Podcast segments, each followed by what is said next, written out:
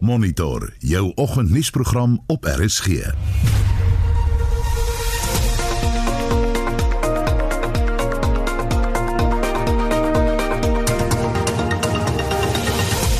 vanoggend se program vakbonde se dringende hofaansoek om die Mango lugredery in sakeredding te plaas word vandag aangehoor.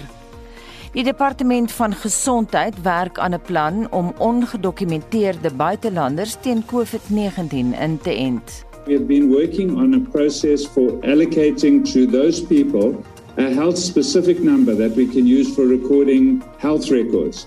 Die DA sê totale herstrukturering van die land se drie sekuriteitsstrukture word benodig en minder as 1% van die Suid-Afrikaanse bevolking is geregistreer as orgaan of weefselskenkers. Goeiemôre, ek is Anita Visser. Baie welkom by Monitor.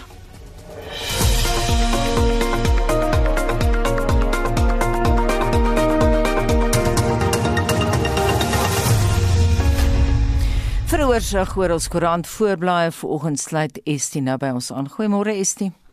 Môre Anita, ons begin by beeld wat Lymri hoofberig Mkhize pak skuld op werknemer SOE wil geld van meer as 20 verhaal.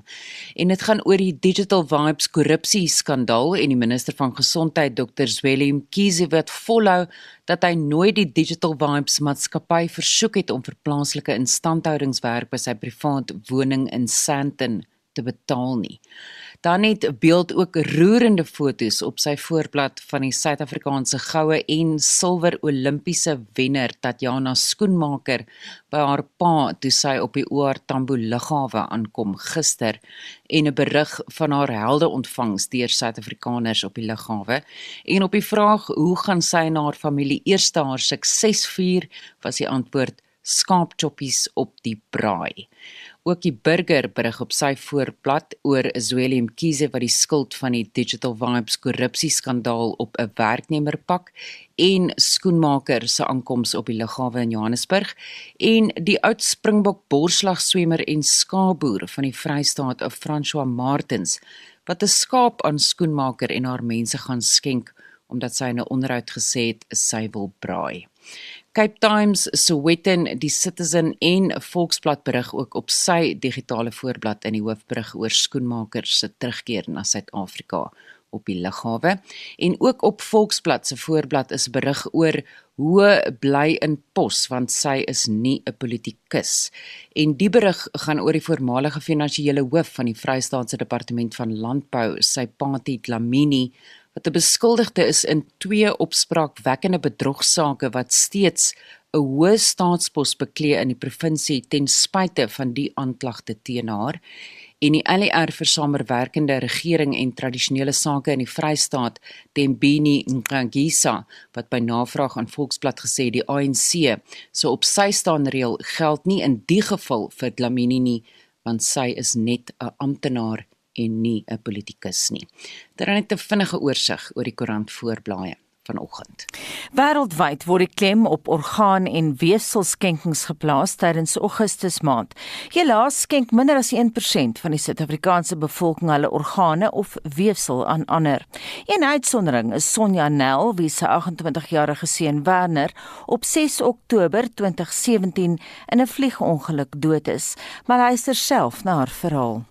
Die feit dat Werner 'n ontvanger van been was, presies 8 jaar gelede van die dag wat hy afgesterf het, was hy in 'n motorfietsongeluk en um, hy is baie ernstig beseer. Hy het sy regterbeen verloor in die ongeluk. Sy regterarm was byvoorbeeld erg beseer en hy het been nodig gehad in die elmboog en gedeelte onderste gedeelte van sy arm. Ek het heeltemal daarvan vergeet en toe Marna my bel en vra is dit moontlik dat hulle van hom weefsel en been en ligamente kan neem?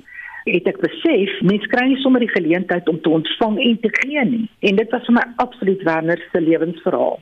8 jaar vroeër presies tot op die dag het hy sy been verloor en het hulle vir hom been geskenk. En 8 jaar later kon hy dit vir iemand anders doen. En ons wil vanoggend by jou weet, is jy geregistreerde orgaan of weefselskenker? En indien wel, Hoekom het jy die besluit geneem? As jy nie 'n skenker wil wees nie, hoekom nie? Dalk oorweeg jy dit om te skenk. Luister tussen 6:30 en 7 na onderhoud met Marna Horn van die Weefselbank in Pretoria.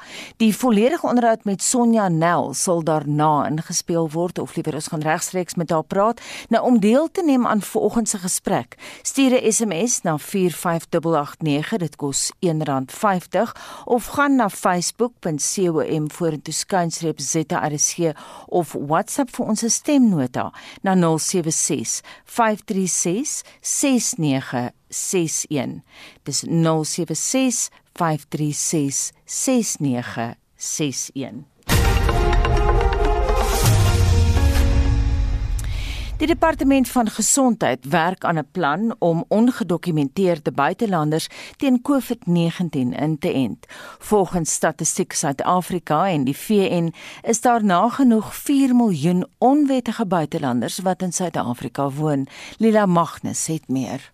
Plastic View, 'n informele nedersetting in die ooste van Pretoria, is die tuiste van 'n groot groep ongedokumenteerde buitelanders omdat hulle nie amptelike identifikasiedokumente het nie, kwalifiseer hulle nie vir COVID-19 inspuitings nie. Die nasionale departement van gesondheid se direkteur-generaal Nicholas Crisp verduidelik. The challenge of vaccinating somebody who's undocumented is to be able to track the record of the individual back to that individual in case something should go wrong or if you need a record of the vaccination and to account for the vaccines. And without some form of identity, that's obviously a challenge. Ongedokumenteerde inwoners in Plastic View sê hulle wil ook die keuse gegee word om ingeënt te word of nie. My name is Lafnas Mandora. I'm from Zimbabwe, Chipinge. Yes, I want to get that vaccination because I'm afraid of that COVID 19 because it's my life. Yes, I chose that I want to be vaccinated because I don't have that uh, passport or ID so that they can help me. My name is James Mulauzi. I'm from Zimbabwe. Born in Zimbabwe, but my family they are from Malawi. And I also need this to protect myself and my family also. Lily Sanjay van die internasionale organisasie vir migrasie sê hulle is bereid om die regering te help om die ongedokumenteerde mense vir inenting te registreer. We would be willing to support the government in that area just as a way of ensuring that migrants who are undocumented are also able to get the vaccine. Crisp sê die regering is bewus van die dilemma wat ongedokumenteerde mense in die gesig staar en is besig om aan 'n oplossing te werk. We have been working on a process for allocating to those people a health specific number that we can use for recording health records. And that is underway at the moment. It is more complicated than meets the eye, but it is a project that has been ongoing, and we're certainly hoping to have it done in time that we can begin to vaccinate undocumented people in due course. Rea Desai van die C19 People's Coalition wat hom beywer vir COVID-19 inentings vir almal, sê die regering sal moet verseker die ongedokumenteerde mense sal nie vervolg word wanneer hulle vir inentings gaan nie. Need a very clear commitments on the National Department of Health and the Department of Home Affairs that nobody will be arrested, nobody will be tracked or traced, that everybody's welcome to come and have their vaccination without any due legal recourse or, or tracking and hunting people down. This is their biggest fear. Hy sê hy hoop dat hierdie weerlose groep mense binnekort sonder vrees vir vervolging ingeënt kan word teen COVID-19. Ek is Lila Magnus vir SAK nuus in Pretoria. Die nasionale werkgewersvereniging het 'n oop brief aan die minister van vervoer vir Kilim Balula geskryf oor die onrus verlede maand in KZN en Gauteng. Die bestuurshoof van die vereniging, Gerard Papenfoos, het 'n voorstel gemaak oor hoe ekonomiese verliese tot die minimum beperk kan word in geval van geweld op die N3 dis nou tussen Johannesburg en Durban en ons praat vanoggend met hom. Goeiemôre. Hallo Anita. Hoekom het jy besluit om die brief aan die ministers te skryf? Ehm um, wel die uh die die oplossing uh lyk asof dit uh uh ooglopend is. Ehm um, by veral by Moore rivier en daar is ook ander uh, uh bottelnekke word voertuie gestop, uh, vragmotors gestop en uh, jy weet daar's weer weer uh, bru en tollekke en uh, uh dit is uh absoluut uh, daar's 'n opkoop op een hoping van voertuie en dit is absoluut 'n teken vir uh, vir die booswrigte om hierdie voertuie in die brand te steek. Uh, dit uh, dit kan net nie gebeur nie. Ek meen daar's is daar daar's verlies ekonomiese verlies vir die vir die uh uh vir die owerhede as die tolhekke oopgemaak het, maar dit is dit is kan hoegenaamd nie vergelyk word met die afbrand van uh, die skade wat wat wat wat wat wat die afbrand van voertuie meebring nie. So wat ons sê is uh, hulle moet uh, in hulle gebeurlikheidsplanne as daar nie voldoende polisie beskerming is nie en uh, en daar is uh, persone wat uh, daar die tolhekke die 'n teken maak moet hulle die hekke oopmaak en voertuie dit eenvoudig laat deurgaan. Hmm. Dit is 'n ooglopende onmiddellike oplossing vir die probleem. Ehm um, 'n voertuie moet eintlik nie eers 'n uh, stadige ry op daai plekke nie. Hulle moet dood eenvoudig inbreek nou dit uh, deur kan gaan. So ehm um, ons hoop regtig en ons het dit in 'n oop brief gedoen. Jy weet dit help ook nie jy skryf vir ouens 'n brief in uh jy weet 'n vertroulikheid nie en hulle gee nie aandag daaraan. Maar wat van die inkomste wat verloor sal word? Wel, jy kan daar sekerlik tegnologiese uh uh oplossings. Ek meen voertuie met kameras, voertuie het nommerplate en uh, en en daar kan ooreenkomste gesluit word met vragmotoreienaars dat hulle daarna die uh die tolgelde sal betaal. So ehm um, ek dink dit kan verhaal word as 'n manier om dit te doen. Dit gaan stadiger gebeur, maar dit gaan nog gebeur. Maar jy weet hierdie voertuie kos uh, een enkele vragmotor kos uh is miljoen plus. Mm. Ver oor 'n miljoen plus. So dit en die vrag op daai voertuie, ek meen die skade is net enorm. Die ontwrigting uh wat wat die uh, verlies aan die vervoer van belangrike uh voorrade. Wat was die minister is is is is is is, is onberekenbaar. Wat was die minister se reaksie? Is hy oop vir die voorstel? Ons het nog nie 'n ontvangserkenning gekry nie. Nou die KZN Landbou Unie Kwanalo het gevra dat die Mooi Rivier tolhek of geskuif of heeltemal verwyder moet word. Wat is jou reaksie daarop? Wel, wel weet weet jy dit is 'n aardige ding. Hoekom Mooi Rivier nou uh uh die, die soort knelpunt is is 'n vraag. Jy weet dit dit kom al van uh van 1994 af. Uh, ek onthou uh net na president Mandela uh uh aan die wind gekom het, uh het, het daar uh uh so 'n soortgelyke ding gebeur maar dit het nie voertuie afgebrand nie hulle het net die hulle het net die tolhekke geblok ek onthou nog minister Pieter Mboweni het gegaan om te probeer bemiddel daar. So daai daai mooi rivier is 'n aarde, dit is 'n dis 'n vreemde verskynsel hoekom mooi rivier uh nou 'n teken is. Nou ek ek kan nie sê of uh, daar mag dalk goeie argument wees om te sê skuif hom, maar jy weet hulle kan dit met enige tollek doen for that matter. Enige enige tollek kan uh, op die manier geteken word. So uh, ons sê net uh, as dit gebeur en daar is 'n knelpunt en dit sien hier is gevaar maak jy hekke oop en trefferreëling met met die vervoermaatskappye. Baie dankie en daai voorstel kom van uh, die bestuurshoof van die Nasionale Werkgewersvereniging Gerard Papenfoos. Die amptelike musiekvideo vir Rick Astley se treffer Never Gonna Give You Up het 'n belangrike mylpaal bereik. Dis nou al meer as 'n miljard keer op YouTube gekyk. Nou die syfer is nie indrukwekkend in vergelyking met treffers soos Despacito nie wat al meer as 7 miljard 100 keer gekyk is. Ashley se treffer het danksy die sogenaamde Rick Rolling 'n blywende deel van die internetkultuur geword. Rick Rolling is 'n onskuldige internetpoets waar iemand 'n skakel van 'n webtuiste na 'n ander persoon sal stuur waarna dit herlei word na die musiekvideo op YouTube. Nou op dië manier is daar 'n konstante stroom mense na die video gestuur en dit is hoe die video nou al meer as 'n miljard keer gekyk is. Nou kom ons luister na Ashley se treffer Never Gonna Give You Up.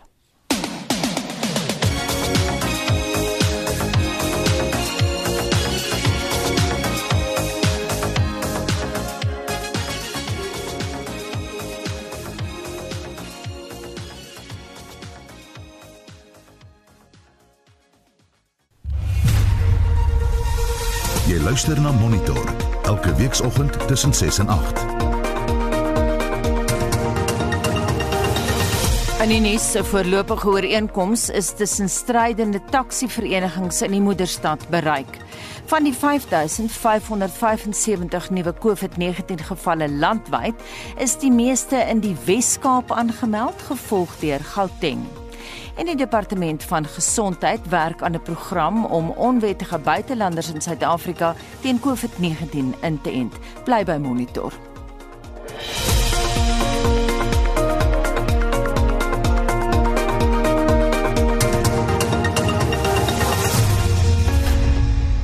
Is jy besig is daai terugvoerlyn vanoggend?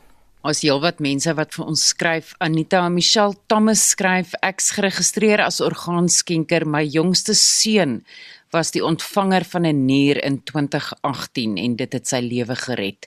Vandag is hy 'n gesonde 10-jarige seentjie. Vir 2 en 'n half jaar voor die oorplanting was hy afhanklik van dialyse en 'n voedingsbuis in sy maag om aan die lewe te bly en ons gesin is ewig dankbaar vir orgaanskenkers. En Gerard Koortsland weet, ek is 'n skenker as iemand anders se lewe gered kan word na my dood, hoekom nie? En Gerard skerts, die een probleem is ek dra bril van skool daar af so die persoon wat my oë kry moet seker maak hy kry ook my bril. Cherie Tron sê ek is 'n orgaanskenker selfs al kan ek net een klein deeltjie ehm um, selfs al kan net een klein deeltjie gebruik word om iemand anders se lewe te verbeter, voel ek dis my bydrae in medemenslikheid. En Anneline Tarantal laat weet ek kan nie ophou dankie sê vir orgaanskenkers nie. Dit het ons familie se lewe totaal kom verander van hartseer na blydskap, vrede en vreugde. Ekskuus tog. Ons wil vanoggend by jou weet, is jy 'n geregistreerde orgaan of weefselskenker en indien wel, hoekom het jy die besluit geneem om dit te doen? En as jy nie 'n skenker wil wees nie, hoekom nie? Stuur vir ons 'n SMS na 45889 R1.50 per SMS. Gemaak 'n draaipuls monitor en Spectrum Facebookblad of stuur vir ons 'n stemnota na 076 536 6961. Suid-Afrika benodig beslis nie nog 'n ondersoek na die stand van intelligensie in die land nie. Wat ons nodig het, is 'n totale herstrukturering van al drie sekuriteitsstrukture. So glo die DA se skademinister van staatsveiligheid, Diane Koller-Barnard, wat gister haar mening so aan Monitor verwoord het.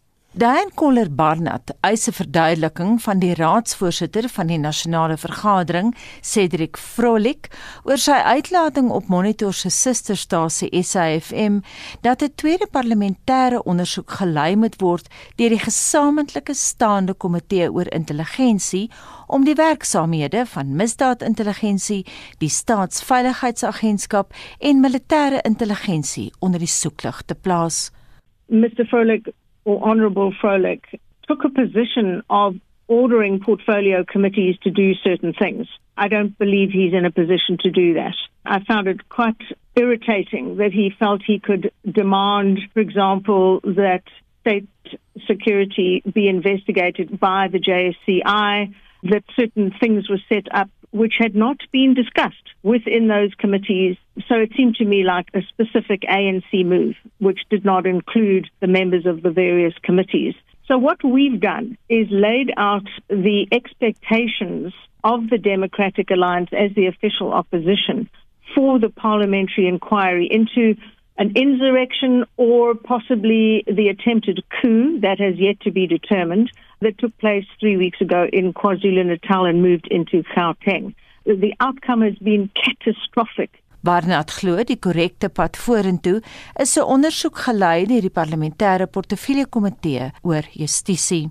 We truly believe that the only way for it to be credible, accepted by the South African public generally, is to have justice as a portfolio committee take the lead and have police Defence Force and State Security falling under that and reporting to that. Otherwise, it's going to seem, if it's run by the Police Portfolio Committee in particular, it's rather going to be like a matriculant marking his own matric paper. We cannot have any, any feeling that it's being allowed to protect certain politicians, police commissioners, anyone else. No one must be royal game. We have to do this openly, transparently, and the South African public must understand that we mean business. 'n Belangrike faktor is dat so ondersoek spoedig moet plaasvind, maar nie ten koste van die gehalte daarvan nie. Dan Koller Barnard verwys dan ook na 'n vergadering wat verlede week belê is wat 'n uitstekende voorbeeld is van hoe die ondersoek nie aangepak moet word nie. Was a, very strange meeting on Friday last which was premature, chaotic, and shut down within a few minutes. Over 100 people on it, and the process just fell apart at the seams. It has to be put together carefully and crafted, as I say, I think by justice with the legal minds behind this to make sure that every step is acceptable in terms of the law and could be used in terms of the law in various charges that could be put against and raised against certain members. This has to be done carefully, but it cannot be a Zondo commission that drags out year after year. Certainly, it must be completed within a matter of months. Die DA se skadu minister van staatsveiligheid glo ook dat die hoof van misdaadintelligensie, luitenant-generaal Peter Jacobs, dadelik moet terugkeer na sy pos toe, aangesien sy ervaring veral nou dringend nodig is. Jacobs is in November verlede jaar geskort omdat hy na bewering betrokke was by bedrog rakend persoonlike beskermende toerusting. Die saak is nooit verder gevoer nie en daar is twyfel oor die meriete van die aantuigings.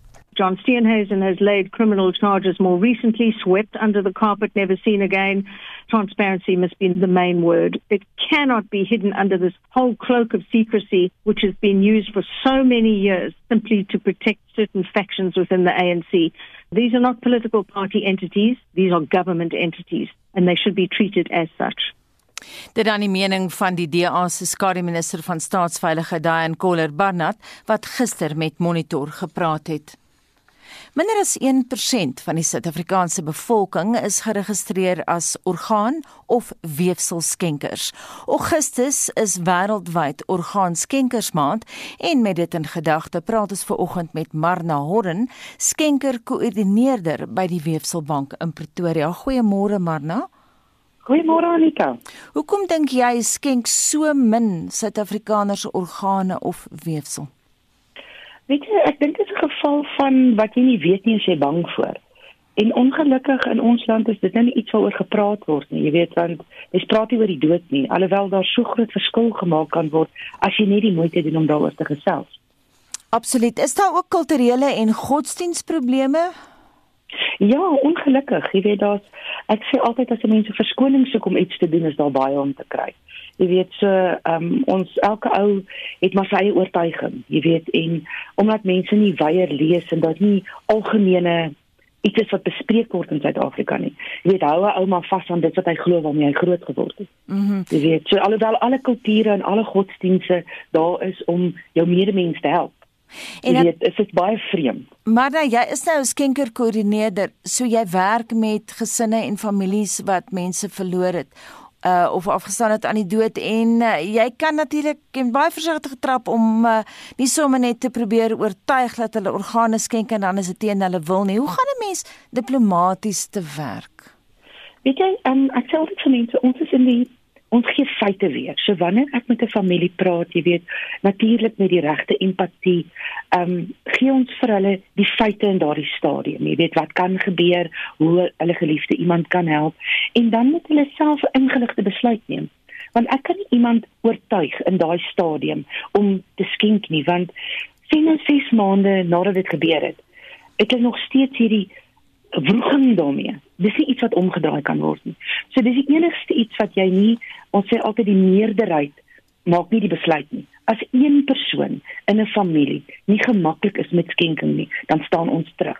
Want ons wil eerder die familie eenheid beskerm as wat ons kan sê maar nou het ons 'n skenking gekry. So dit is vir ons baie belangrik. Maar dan sou sekere mense bereid wees om weefsel te skenk, maar nie organe nie of is dit gewoonlik 'n uh, is 'n uh, kwessie van as jy die een skenk, dan skenk jy die ander. Dis baie interessant dat jy die vraag vra. Ons kry dit nogal. Jy weet, ehm um, mense het hierdie vrees vir orgaanskenking sien nou net ek is nie dood nie. Mm. Alhoewel jy klinies breinstam dood is voordat jy organe kan skenk. Jy weet, so dan kry ons mense wat eerder weefsel wil skenk. Maar dan kry ons ook die ander kant, mense wat bereid is om organe te skenk, maar weefsel voel hulle nou nie gemaklik nie.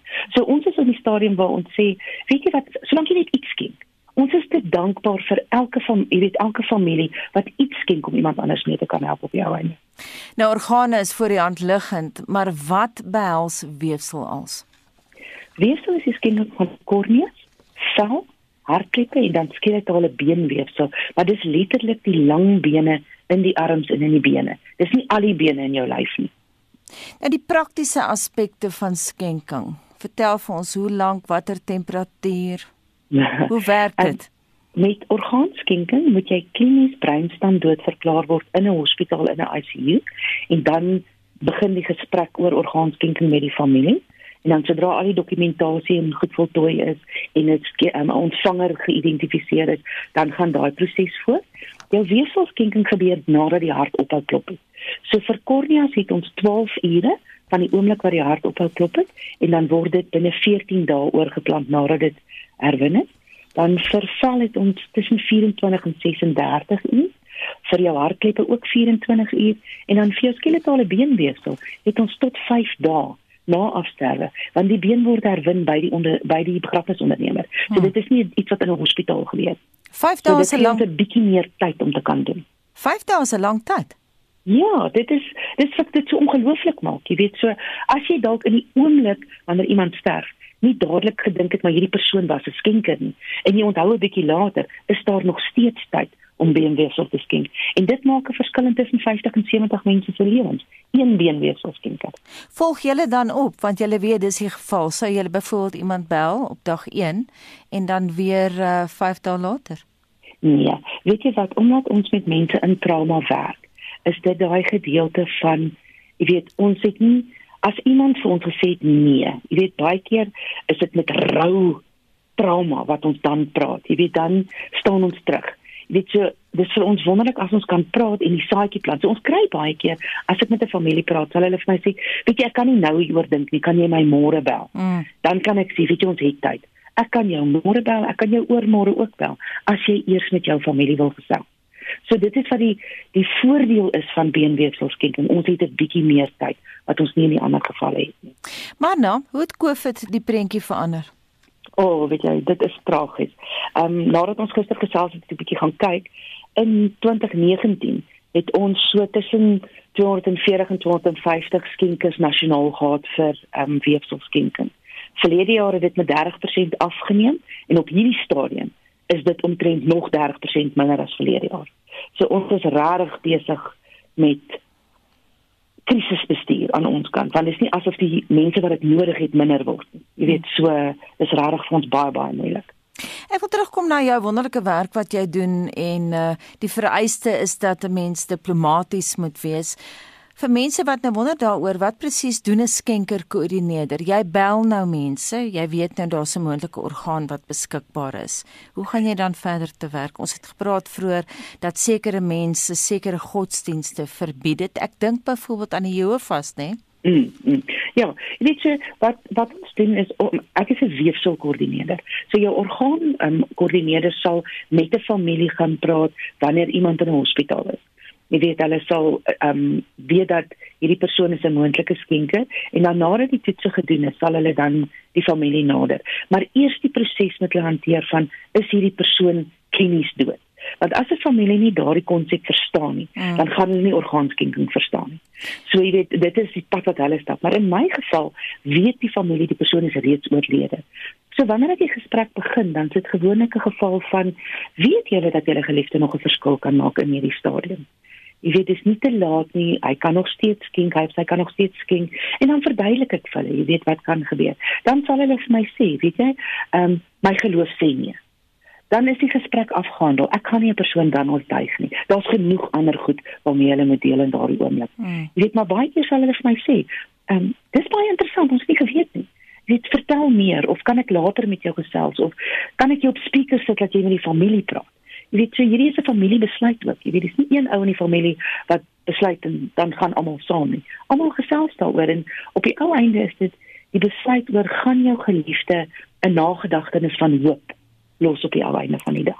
Ek moet vir jou sê man, ek weet nie of jy vroeër na monitor geluister het nie, maar ons SMS vraag is geskoei vir oggend op orgaan en weefselskenkings en ons het nogal heelwat positiewe terugvoer van luisteraars wat sê dit het 'n wonderlike verskil aan hulle lewens gemaak. Ag, dis altyd wonderlik om te hoor. Jy weet dat mense besef nie die impak nie. Ek dink ongelukkig word die waarde van dit eers besef wanneer iemand in jou familie dit nodig het. Dis wat ek altyd vir iemand sê, sy net nee. Dan sê ek, goed dink daaroor. As dit jou geliefde is wat 'n hart, 'n nier, korneas, beenweefsel nodig het, hoe gaan jy dan reageer as jy die vraag kry? Gaan jy nie dan ook wil hê iemand moet sê ja? Mm -hmm. As 'n mens nou wil skenk, 'n luisteraar wat miskien ver oggend luister en dink, weet jy, dis wat ek nou wil doen. Hoe registreer mens? Wat doen jy? Ek weet op 'n stadium ek het 'n plakkertjie in my ID-boek, maar nou het ek nie my ID-boek altyd by my nie, maar um, mense wat na aan my is weet dat as ek doodgaan, wil ek asseblief alles geskenk wat moontlik geskenk kan word. Ehm um, maar wat, hoe gaan mense te werk? Het julle nie op 'n stadium armband armbande gehad nie, manne?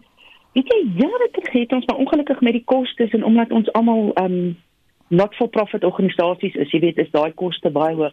Dit is verskriklik maklik om te registreer. Hulle kan na die na die Organ Donor Foundation se webwerf toe gaan wat um odf.org.za is, né? Dan vul hulle vyf vragies in en hulle word teruggeskakel en die hele registrasieproses word hanteer. Jy weet dan kry hulle 'n skenkerkaartjie en stikertjies. Daai stikertjie wat jy in jou ID-boek het, is van onskatbare waarde. Mm. Want dit dien veral vir die weefselkant as 'n herinnering vir die familie want wanneer iemand sterf moet jy die persoon se ID-dokument by 'n begrafnisondernemer ingee sodat hulle die dood kan registreer. Mm. En dan daai ou klein rooi stikertjie is dan 'n herinnering vir die familie ouma wag hulle wou nog skenk en dan kom die vraag of die ondernemer om te sê weet jy wat hierdie familielid kan nog steeds 'n verskil maak as weefselskenker kan ons by die proses weet kom ons skakel met die oude want ons is almal op roeplyste by hulle. Hulle het 'n 24 uur lyn wat enige oproep van 'n familie hanteer wanneer iemand gesterf het. Jy weet omdat baie van hierdie goed tydsensitief is. Mm. So al word hulle 12 uur in die nag gebel, is daar iemand wat antwoord, dan word een van die weefselkoördineerders gebel en dan gesels ons met die families oor die weefselskenking dan sodat dit nog steeds moontlik gemaak kan word. Maar dan gee vir ons weer stadig daai webadres asseblief. Dis www www.odf.org.za. En daai ODF staan vir Organ Donor, Donor Foundation. Foundation. So dis www.odf.org.za, is dit korrek? Dis sy ja. Baie dankie Marna, dit dan Marna Horren, sy is skenker koördineerder by die Weefselbank in Pretoria. En ons bly by orgaan en weefselskenkings en praat nou met Sonja Nel wat haar 28-jarige seun Werner in 2017 verloor het in 'n kunsvliegvliegtuigongeluk. Nou danksy Werner se skenking van weefsel en beendere het iemand anders 'n kans gekry op 'n beter gehalte lewe. En ons praat ver oggend met haar oor daai besluit van destyds. Goeiemôre Sonja. Môre Anita. Sonja, Vertel vir ons wat het op 6 Oktober 2017 gebeur. Ehm um, Anita Werner uh, was 'n gekwalifiseerde vlieënier. Ehm um, ek dink wat belangrik is om te onthou is dat Werner was 'n ontvanger van van skenker been en hy het toe 'n skenker geword, nee, dis dalk die belangrike punt wat ons wil maak. Maar op Oktober 2017, die 6de Oktober was hy in 'n vliegongeluk betrokke ehm um, en uh, uit daar uh, gesterf natuurlik. Ehm um, en 'n uh, paar dae later het ehm um, Marna my geskakel en gevra of ons bereid sal wees dat hy uh, weer van 'n en, en been skenk. En ek was baie verbaas. Ek het gedink jene hierdie vrou het nie haar huiswerk gedoen nie. Sy weet nie dat Werner reeds oorlede is nie. Ja, maar sy was baie gaaf en baie vriendelik en baie saggies met ons. En ek het haar toe nou net reg gehelp en gesê, "Weet jy, Werner is reeds oorlede." Dit is sy nie sy is bewus daarvan, maar hierdie skenking word na dood gedoen. En ek was verskriklik verbaas dat dit 'n moontlikheid is. Ek het dit glad nie geweet nie. En van daar af uh, baie mense met wie ek praat, is glad nie bewus hiervan dat dit gedoen kan word nie. So, dit is vir my regtig belangrik om die boodskap uit te dra dat ehm um, mens steeds 'n verskil kan maak uh, na die tyd. Ehm um, mm. Is jy bly jy daai besluit geneem? Ongelooflik, ongelooflik. Dit is vir my 'n manier uh, uh na Werner se eerste ongeluk, sy motorfietsongeluk in 2009, ehm um, het hy verskriklik baie gedoen om mense se lewe te verander en uh, hy was 'n inspirasie vir baie mense gewees. En ehm um, ek het net gevoel hierdie is 'n manier wat Werner nog steeds 'n verskil in mense se lewe kan maak al is hy weg. En ehm um, dit het nie eers by my opgekom om om te sê nee of daaroor te dink. Ek wou net met sy boetie daaroor praat. Maar dit was 'n baie kort gesprek en ek het die volgende oggend vir Manna teruggebel en gesê absoluut absoluut doen wat jy moet. 'n baie interessante aspek van jou spesifieke verhaal Sonja is die hmm. feit dat beide ongelukke op 6 Oktober plaasgevind het 8 jaar uitmekaar Ja, ja, dis dis merkwaardig. Weet jy, uh, Werner was 'n merkwaardige man. Ehm um, hy het 'n merkwaardige lewe gelei en hy het ook 'n merkwaardige dood gesterf. Ehm um, dit was uh, absoluut ongelooflik. Dit was vir my die grootste closure toe ek die datums bymekaar sit en besef dat Werner se motorfietsongeluk was op 6 Oktober 2009 en presies 8 jaar later tot op die dag is hy in 'n vliegongeluk oorlede.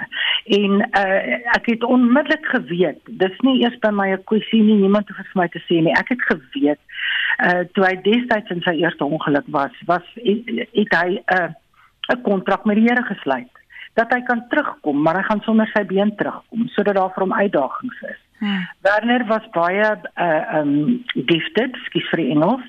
Um met vlieg. Baie mense het gesê was 'n natural en hy sou dit baie maklik kon doen.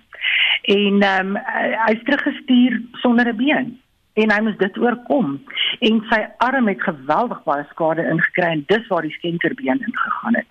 Uh die dokter het ook gesê uh, hy moet hom voorberei daarop dat hy nooit weer sy regterarm ten volle reguit sal kan maak nie en hy het dood eenvoudig geoefen tot daai arm reguit kon kom want hy sou nie die stuurstang van die vliegtuig kon beheer met 'n met 'n arm wat nie wou buig of wat terwyl nie wou reguit maak nie. Mm. So dit was absoluut sy sy doel om 'n kunstvlieënier te word en hy het dit ook gedoen en die skenkerbeen het tot die uh, um, realisering van sy droom bygedra. Dit ek het geen twyfel daaroor nie.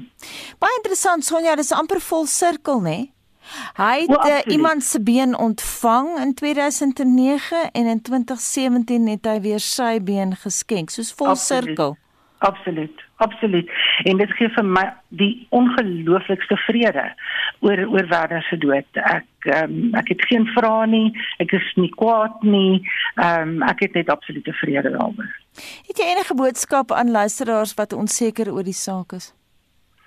Ehm um, asseblief doen dit doen dit al registreer jy al dink jy jy's te oud vir orgaanskenking of daar's 'n rede hoekom jy organe kan skenk nie. Uh moenie van hierdie skenking vergeet nie. Ehm um, uh, ek is seker Marna het ge, uh, vir julle vertel hoeveel mense gehelp kan word net met een enkele skenker. Jy weet met 'n hart is dit een persoon wat gehelp word, met longe is dit een persoon. Op hierdie manier is dit uh, 50 dink ek of meer mense wat gehelp word met een skenking en en ja, dit red nie 'n lewe nie maar dit verhoog lewenskwaliteit uh van mense wat dalk in 'n rolstoel gekluister sou gewees het wat nou weer kan beweegbaar wees as gevolg van 'n beenskenking. So asseblief doen dit net. Doen dit net. Baie dankie dat jy jou verhaal met ons gedeel het vanoggend en ook vir daardie boodskap dit aan Sonja Nel. Sy is ma van die 28-jarige Werner wat sy lewe op 6 Oktober 2017 verloor het en sy weefsel en been asook ligamente geskenk het. Dit was sy ma se besluit. 6:54 jy luister na Monitor en ons neem 'n musikale blaaskans. Hier is Karlin van Jaarsveld met Wegloop.